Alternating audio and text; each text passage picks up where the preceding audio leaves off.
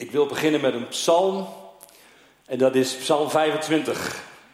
En ik lees het voor. Psalm 25 van David. Na u, Heer, gaat mijn verlangen uit. Mijn God, op u vertrouw ik. Maak mij niet te schande. Laat mijn vijanden niet triomferen. Zij die op u hopen worden niet beschaamd. Beschaamd worden zij die u achterloos verraden. Maak mij, Heer, met uw wegen vertrouwd. Leer mij uw paden te gaan. Dat is de adventspsalm van de eerste adventszondag. En ze noemen dat Ad te Levavi. En dat betekent iets van opheven, opheffen van je ziel naar God. Dat is een beetje wegvertaald in deze psalm. Maar deze psalm wordt daarbij in gedachten genomen.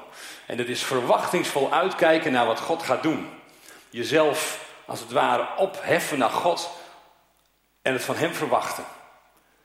In die verwachting te leven. Dan roept die psalmist zichzelf toe op. David roept zichzelf op. Kom op joh, verwacht het nou van de Heer, let op Hem. Nou, ik hoop dat we vanmorgen, als we zo met elkaar de Petersbrief straks induiken weer. Dat had ik beloofd hè, te doen dit keer. En daar gaan we ook mee verder. Dat je dan een frisse wanta van de Heilige Geest krijgt. Wie weet wat een frisse wanta is? Ik kijk even naar, even naar de jonge generatie, maar ik, ik zie geen, geen herkenning nog. Frisse wanta, dat is een klap in je gezicht. Een lekkere, met de vlakke hand zo even, pats. Even weer wakker worden. Ken je dat?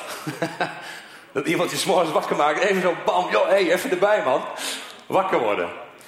Nou, ik heb het gevoel dat de Heilige Geest dat wil doen bij zijn gemeente. En misschien wel vandaag in het bijzonder voor jou. Dat je een frisse wanta van de Heilige Geest krijgt. Uh, ik ga daar zo meteen meer over vertellen. Die Adventszondag uh, en die verwachting die we net hebben uitgesproken met David. Daar spreekt ook Petrus over in zijn brief. En als je erbij was een paar weken geleden, dan hebben we een inleiding op die Petrusbrief gehad. Het leven van Petrus zijn we eens even gaan bekijken van hoe zag dat er nou uit. Um, wat Petrus allemaal meemaakte in het volgen van Jezus. En we zagen dat die brief die hij dan schrijft een doorleefde brief is met dingen die hij zelf heeft meegemaakt met Jezus. Dus de woorden die hij spreekt, die zijn niet zomaar een beetje zo theologisch bedacht en mooie wijsheid of zo, maar het is doorleefd, doorwrocht, geloofd uh, en beleefd door Petrus zelf. Dus die woorden die Peter schrijft aan de gemeente, dat, uh, dat mogen we ons dan mogen we weten, hij heeft dat doorleefd. Hij weet waar hij het over heeft. En die gemeente op dat moment, die bevindt zich in Klein-Azië, het huidige Turkije. De gemeente die in druk was, die in nood was. En waarom was dat nou zo? Waarom was er dan zoveel druk? Nou, als je je tot Jezus bekeerde in je dorp of in je stad, dan viel je buiten de boot. Dan hoorde je er niet meer bij. Dan werd je met de nek aangekeken. Dan kregen de mooie baantjes waren niet meer voor jou.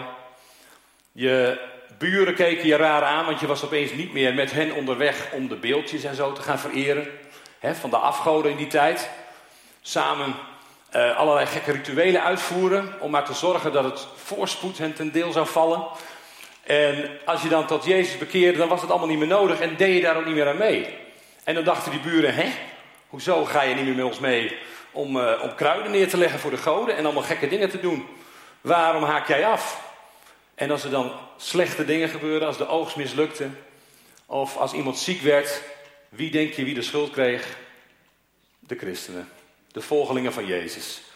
Nou, dat was niet makkelijk om dan een volgeling van Jezus te zijn.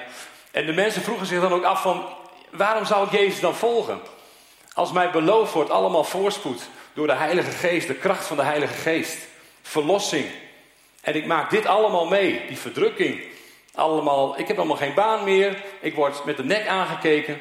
Het leven is helemaal niet zo leuk als dat ik zou denken. Waarvoor zouden we dit nog doen?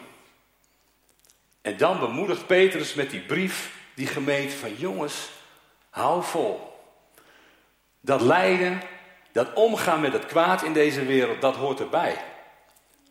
Als we Jezus navolgen, dan volgen we Hem ook in het lijden. Dan volgen we Hem ook in het omgang met het kwaad in deze wereld, want het is om ons heen. En daar moeten we doorheen. Want, zegt hij, dat lees je in die brief. Jezus is zelf ook als rechtvaardige voor onrechtvaardigen gekruisigd. Hij is als God zijnde heilig het onheilige ingegaan. Hij is er doorheen gegaan, de dood zelfs in. Alle kwaad op zich genomen, maar hij heeft overwonnen. En aan het uit was daar de luister.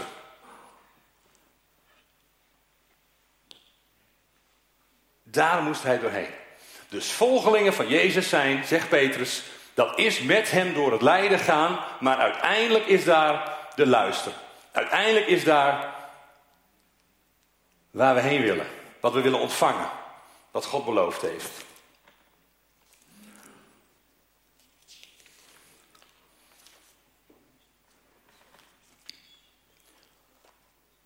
En dat idee, dat we daar dus mee om moeten gaan, dat we daarmee moeten dealen met het kwaad, met het lijden, met het onrecht van deze wereld. En misschien ervaar je dat heel erg aan de lijve, of misschien zie je dat in het nieuws van elke dag. Dat kwaad en dat onrecht, misschien ervaar je het ook in jezelf, de strijd met het goede te doen en het, de verleiding van het kwaad. Dat, daar hebben we mee te dealen. Maar, zegt Jezus, zegt Petrus, namens Jezus, uiteindelijk is daar een luister. En hou vol. En hij roept ons als het ware op om daarop te letten. En moet je maar eens kijken, dat doet hij in verschillende bewoordingen. Ik lees even een paar voor. 1 Petrus 1 vers 13, daar staat dit. Laat uw geest daarom voortdurend paraat zijn. Wees waakzaam en vestig al uw hoop op de genade die u ontvangen zult wanneer Jezus Christus zich openbaart. Dus laat uw geest daarom voortdurend paraat zijn, opletten. Wees waakzaam en vestig al uw hoop op de genade die u ontvangen zult wanneer Jezus Christus zich openbaart. dus door dat lijden heen word je erop gewezen, ja, Christus Jezus zal zich openbaren. Dat ligt nog in het verschiet, komt eraan. 1 Petrus 4, vers 7, daar zegt Petrus dit. Het einde van alles is nabij. Kom daarom tot bezinning en wees helder van geest, zodat u kunt bidden. Nou hoor ik dat dit een biddende gemeente is, dus daar hoeven we niet lang op in te gaan. En ik vind het ook mooi, en dat wil ik toch even zeggen, een gemeente vol verwachting. Want als ik hoor wat hier gebeurt en hoeveel namen er zijn voorgedragen voor een interim team, dan denk ik, dit is een gemeente die verwachtingsvol naar de toekomst kijkt. Hier gaat nog wat gebeuren. En het was grappig, want ik had vanmorgen in mijn auto toevallig drie klapstoeltjes achterin liggen. En ik dacht, ja, dat is een mooi beeld. Zet de stoelen er maar bij. Want hier gaat wat gebeuren. Dat geloof ik. En ik geloof dat jullie het ook geloven. Dat er diep van binnen iets borrelt in de hemelsferen van ja, dit is nog lang niet afgelopen. Hier staat nog wat te gebeuren. Vol verwachting. Nou, dat even uh, zijdelings. Maar ik wou het toch even zeggen. Verwachtingsvolle gemeente uh, alert en dus om te bidden, om te kunnen bidden. En dan in 1 Petrus 5, vers 8 tot 11, wil ik even samen met jullie lezen. Dat komt als het goed is geprojecteerd. Daar staat dit: Wees waakzaam. Wees op uw hoede. Want uw vijand, de duivel, zwerft rond als een brullende leeuw. Op zoek naar een prooi. Stel u tegen hem te weer. Gesterkt door uw geloof in het besef dat uw broeders en zusters, waar ook ter wereld, hetzelfde lijden moeten doorstaan. Maar al moet u nog korte tijd lijden, God, de bron van alle genade, die u geroepen heeft om in Christus deel te krijgen aan zijn eeuwige luister, hij zal u sterk en krachtig maken, zodat u staande zult blijven en niet zult wankelen. Hem komt de macht toe tot in eeuwigheid. Amen.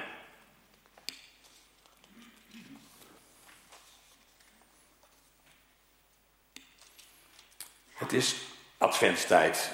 We leven toe naar dat feest van de geboorte van Jezus. Gods belofte ingelost en hoe? Een verhaal dat zelfs de engelen niet konden bevatten. God kwam in de gedaante van een mens om onder ons te wonen, om ons, leiden uit het, om ons te leiden uit het donker naar het licht en het kwaad te overwinnen en ons te bevrijden. Een verhaal dat zijn weerga niet kent. En ik moest denken aan een tijdje terug. jaren geleden alweer, in Marm. Waar paarden op een heuvel waren verzameld. Misschien weet u het nog. Het was toen veel in het nieuws. Paarden, een hele groep, waren verzameld op een heuvel. En het water was hoog gekomen en de paarden konden niet meer weg. En het was al een paar dagen aan de hand. En de boer van de paarden die maakte zich grote zorgen. En ze gingen met elkaar van alles proberen om die paarden van die heuvel te krijgen. Ze gingen heen met bootjes met grote baal hooi erop, om ze daar weg te lokken. Nou, broodje erheen, hooi op de, op, de, op de bak en weer verder varen, maar de paarden bewogen niet. Er gebeurde niks. Toen bedacht iemand, oh dan ga ik met vuurwerk, ga knallen. En dan laat ik ze zo schrikken dat die paarden wel van die heuvel zullen rennen. Dus ze staken vuurwerk af, maar het haalde niks uit. Toen was er een groep ruiters, jonge ruiters uit Marm, uit de omgeving. En die zeiden, wij weten wel hoe wij die paarden daar weg kunnen krijgen. En ze kwamen met hun paarden. Vier ruiters gingen door het water heen op hun paard naar die groep met paarden. En ze verenigden zich op die heuvel met de paarden. En toen ze op de heuvel waren, liepen ze weer terug. Als ruiters op die paden door het water heen. En wat denk je wat er gebeurde? Die hele groep volgde hen door het water heen. Achter die ruiters op die paden aan. Paarden bevrijd je met paarden. En God heeft hetzelfde gedaan met mensen. Mensen bevrijd je door een mens. Jezus Christus is naar onze heuvel gegaan waar wij gevangen zaten. Hij is door het lijden heen gegaan en hij heeft ons, heeft onder ons gaan staan, onder ons gaan wonen. En hij heeft, is ons voorgegaan van die heuvel af. Door het water, door de pijn, door het lijden heen. Naar vaste wal, naar de overwinning. Eh, de vrijheid voor ons allemaal. Ik vind het zo'n mooi beeld en ik moest eraan denken. Ehm, hoe Jezus dat gedaan heeft. Hij is ons voorgegaan door het lijden heen naar vaste wal, naar de overwinning. Prachtig hoe God dat bedacht heeft, hoe hij dat heeft gedaan. Daar naartoe te leven in adventstijd, dat die komst van Jezus. God werd mens onder ons om ons te bevrijden. En daar lezen we van zo in Lucas bijvoorbeeld. Daar wordt beschreven dat er een paar herders in het veld zijn bij hun kudde vlak bij Bethlehem.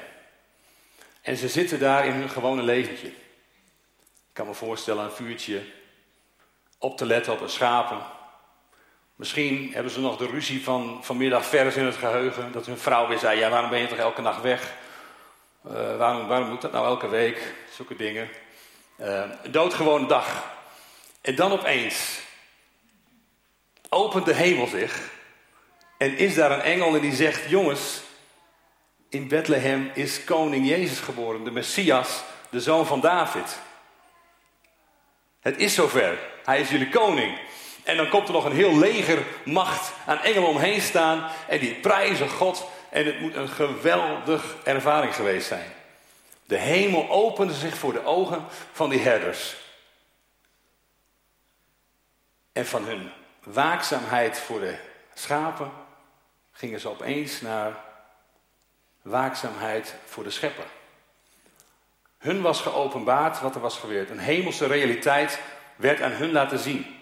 En zo waren ze niet meer bezig met hun leventje, gewoon op hun schaapjes passen. Maar opeens waren ze wakker geworden in de geest. En hadden ze mogen zien wat God aan het doen was op dat moment. En dan zijn ze niet meer aan het waken, maar opeens zijn ze vol verwachting, waakzaam. Zoals Petrus dat bedoelt. Petrus die roept ons op, de gemeente toe, maar de gemeente vandaag ook nog steeds. Wees waakzaam. Word wakker in je geest om te zien wat God heeft geopenbaard. Namelijk, hij is, is iets bezig. Hij is zijn hele wereld aan het redden. En wij mogen dat zien en wij mogen daar onderdeel van zijn. Die herders die gaan dan vol verwachting ook naar dat stadje toe om hem te zoeken. En dan zijn we weer bij die verwachting. En waakzaamheid heeft te maken met verwachting. Als je ziet wat God heeft geopenbaard en je let daarop, je bent daarop bedacht, dan ontstaat daar die verwachting, die hoop, dat geloof, waar Petrus ons toe oproept. Jongens, let daarop. Let op wat God heeft geopenbaard. Er is een geestelijke strijd gaande tussen duisternis en licht. Tussen de hemel en de hel. En wij zitten er middenin.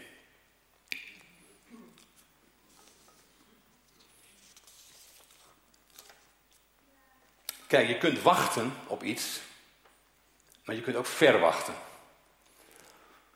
Misschien moet je wel eens bij een bus of bij een trein wachten. En dan wacht je gewoon en dat is eigenlijk een hele saaie tijd.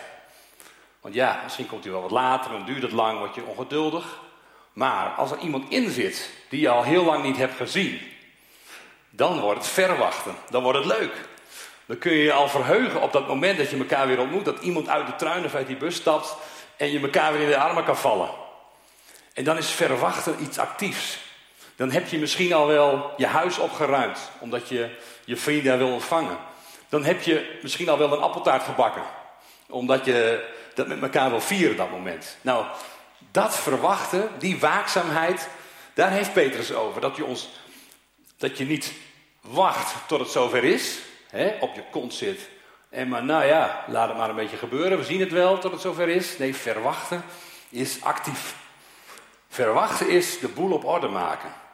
Iemand willen ontvangen. En in ons geval is dat Jezus.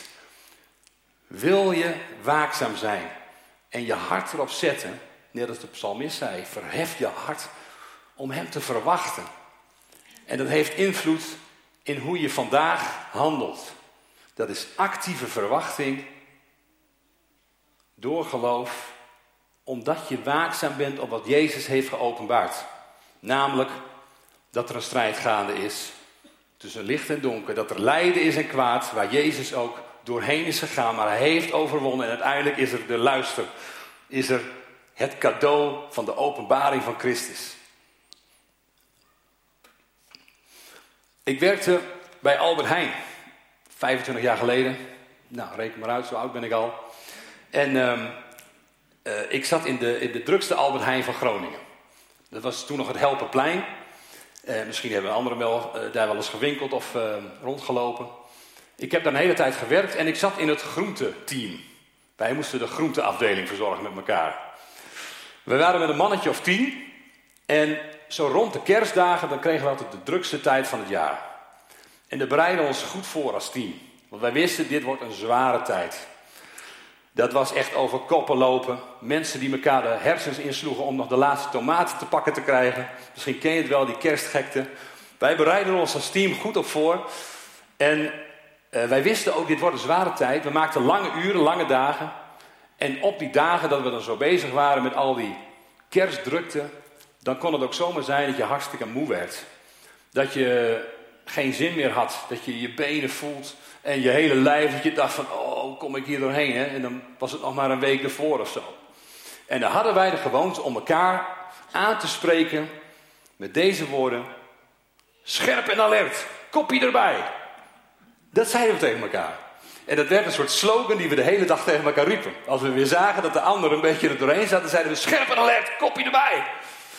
Nou, het werd vaak tegen mij gezegd. Want ik was degene, denk ik wel, die het meest dacht van, oh, ik kan niet meer.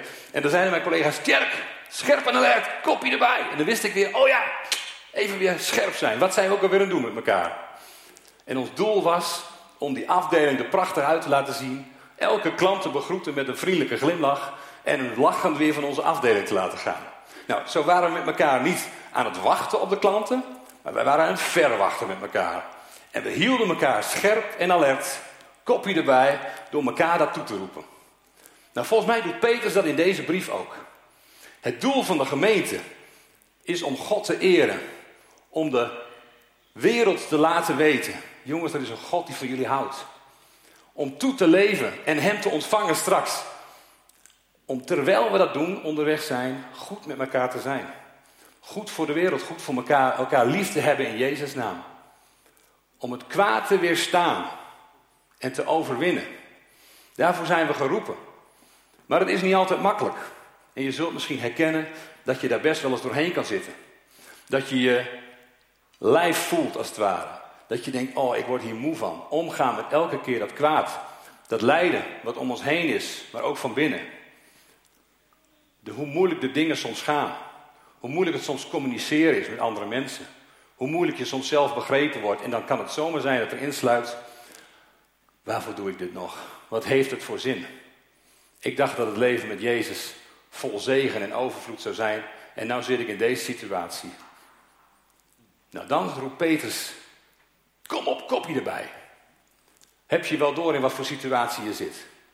Je bent geroepen door Jezus Christus zelf. Hij is voor jou door kwaad en lijden gegaan om jou uit de duisternis te trekken naar het licht. En die positie heb je nou gekregen. En dat geldt voor jou als gelovige, maar dat geldt ook voor de gemeente. Je hebt een positie in Christus, vol van licht, vol van geest, boven alle machten en krachten. En dat is me wat hoor. Dat is ons geopenbaard door Jezus Christus. Maar wees daar alert op. Wees daar wakker op. Dat je weet, oh, we hebben een bijzondere positie gekregen in Jezus Christus, in deze wereld, te midden van al het kwaad en de duisternis. Maar wij geven licht. En misschien als je zo eens een beetje naar binnen zit te staren in de gemeente en je hebt elkaar niet helemaal goed begrepen, of je denkt van hoe zal het toch allemaal gaan, kun je dat soms een beetje kwijtraken. Die ervaring van dat dit een bijzondere positie is. Maar spreek elkaar er maar op aan. Haal elkaar erbij. Geef elkaar een frisse wand van de Heilige Geest. Jongens, kopje erbij. Wij zijn geroepen om het licht te verspreiden in deze wereld en Hem straks te ontvangen. Nou, dat is toch mega bijzonder. Wat is het goed om dat te weten, om elkaar daarop aan te spreken?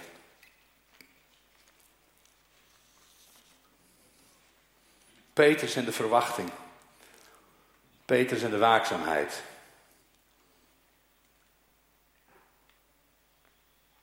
Afgelopen week mocht ik met uh, een Sinterklaasactie met 14 Sinterklaasen door Groningen. En uh, daar zit er een. Michel mocht ook. Een hele goede Sinterklaas trouwens.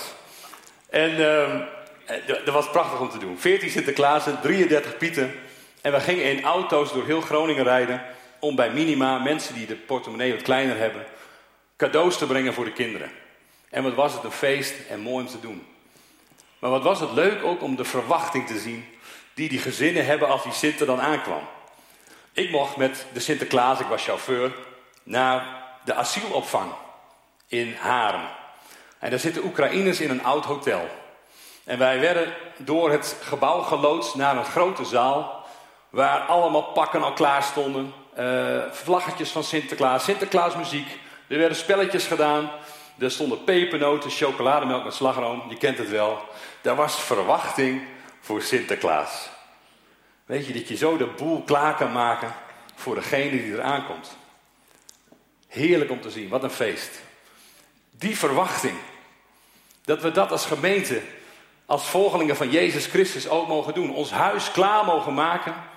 Het gebied waar wij verantwoordelijk over gesteld zijn, mogen vertellen van jongens, er komt een feest. Het komt eraan. En maak het ook maar bekend aan je buren van jongens, het kan wel eens een beetje lawaaiig gaan worden.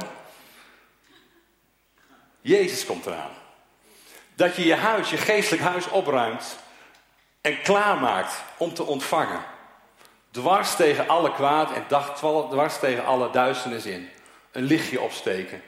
Met die verwachting, met die hoop. Verwacht hem maar. Wees waakzaam op de tijd waarin je leeft. Even weer terug naar Petrus. De duivel gaat rond als een briesende leeuw, zegt Petrus. De duivel gaat rond als een briesende leeuw. Om te zien wie hij zal verslinden. En dat klinkt eng. Want dat lijkt een beetje willekeurig. Zo van, nou ja, eens kijken wie ik vandaag ga pakken. En dat is dan maar net of jij aan de beurt bent of niet. Maar er is meer aan de hand. Hier is ons meer geopenbaard dan alleen maar dat er een duivel is die ons probeert te pakken. De duivel heeft namelijk verloren. Het is als dat er wedstrijden zijn met vier voorrondes. Vier kwalificatiewedstrijden. En na twee weet je al, we zitten in de finale. Die laatste twee die moet je nog wel spelen, maar je moet wel oppassen op je enkels. Hij is overwonnen. Ik ben gek op sport. Ik hou van vissen. En ik hou van schaken. En ik hou ook van voetbal kijken. Champions League het liefst. En dat doe ik graag na januari, want dan zijn de beste clubs nog over. Maar er zitten soms wedstrijden bij, die hebben zo'n prachtig spelverloop. Ik heb eens een keer een wedstrijd zitten kijken waar de thuisclub met 6-0 voor stond. 6-0 voor. En eigenlijk dacht iedereen, nou, dit is gebeurd. Maar de andere groep won nog met 7-6. Ongelooflijk. Het kon. En ik vind dat zo inspirerend. Nou, Jezus heeft hetzelfde gedaan. De duivel dacht namelijk dat hij met 6-0 voor stond toen Jezus naar het kruis ging. Hij dacht, nou is het gedaan. 6-0 voor. Maar Jezus ging aan het kruis, stond op uit de dood. Zeven doelpunten in één keer. Bam! Dood. Klaar. Gewond gemaakt, overwonnen. Maar er staat toch, en dat is ons geopenbaard, dat de duivel nog rondgaat als een briesende leeuw. Hoe zit dat nou? Een leeuw normaal, als hij jaagt op zijn prooi, dan is hij muisstil. Dan is hij helemaal niet aan het briesen. En wanneer briest een leeuw nou wel? Als hij gewond is en moe. En in de stress zit. Dan briest de leeuw. Die duivel die weet al lang, ik heb verloren, ik ben gewond. Het einde is nabij. En hij is nog wel gevaarlijk, want het is een briesende leeuw. Hou hem in de gaten. Maar hij is gewond. Dus als je aangevallen wordt door de briesende leeuw. En je hebt soms het gevoel dat je met 6-0 achter staat. Dan mag je weten. Jezus is aan het kruis gegaan. Hij heeft overwonnen. De dood is overwonnen. De leeuw is overwonnen. De briesende leeuw heeft geen lange vat. En dan mag je gewoon zeggen: duivel 7-6. 7-6. Het getal van God 7 en het getal van de duivel is 6. 7, 6. Weet je, ga maar weg. Jezus heeft overwonnen.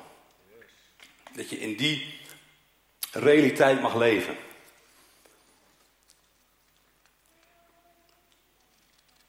Het kwaad is er nog hoor.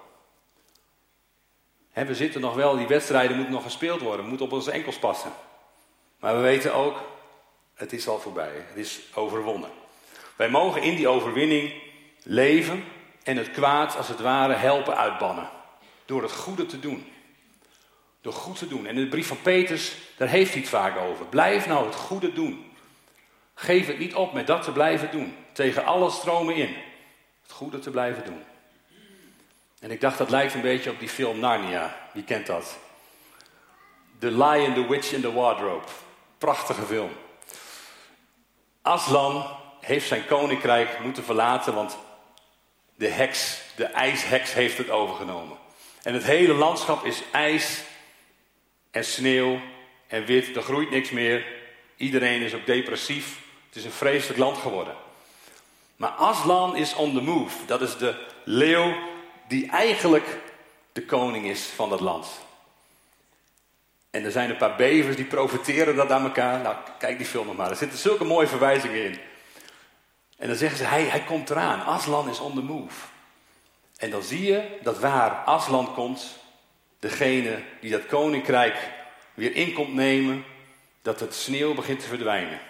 Dat er weer sneeuwklokjes en krokussen beginnen te groeien.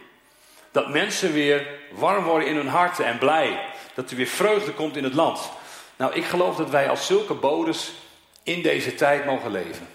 Dat waar wij wonen, dat waar wij gaan, dat daar weer gras zichtbaar wordt.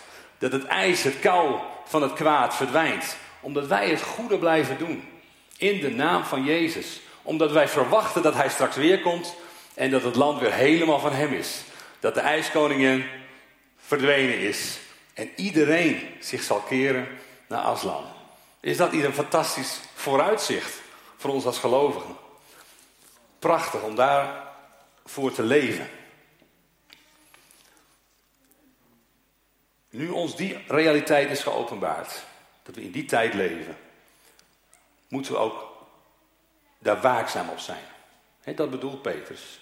Jongens, kopie erbij. Deze tijd. En dan zegt hij: Stel u tegen hem te weer gesterkt door uw geloof. In het besef dat uw broeders en zusters waarlijk ter wereld onder hetzelfde leed gebukt gaan, maar al moet u nog korte tijd lijden, God, de bron van alle genade, heeft u geroepen om in Christus Jezus deel te krijgen aan zijn eeuwige luister. Zie, daar heb je het. weet dat anderen net zoveel te lijden hebben als jij. We zitten allemaal in hetzelfde schuitje in deze wereld. We hebben te dealen met het kwaad van deze planeet. Met het kwaad van de briesende leeuw.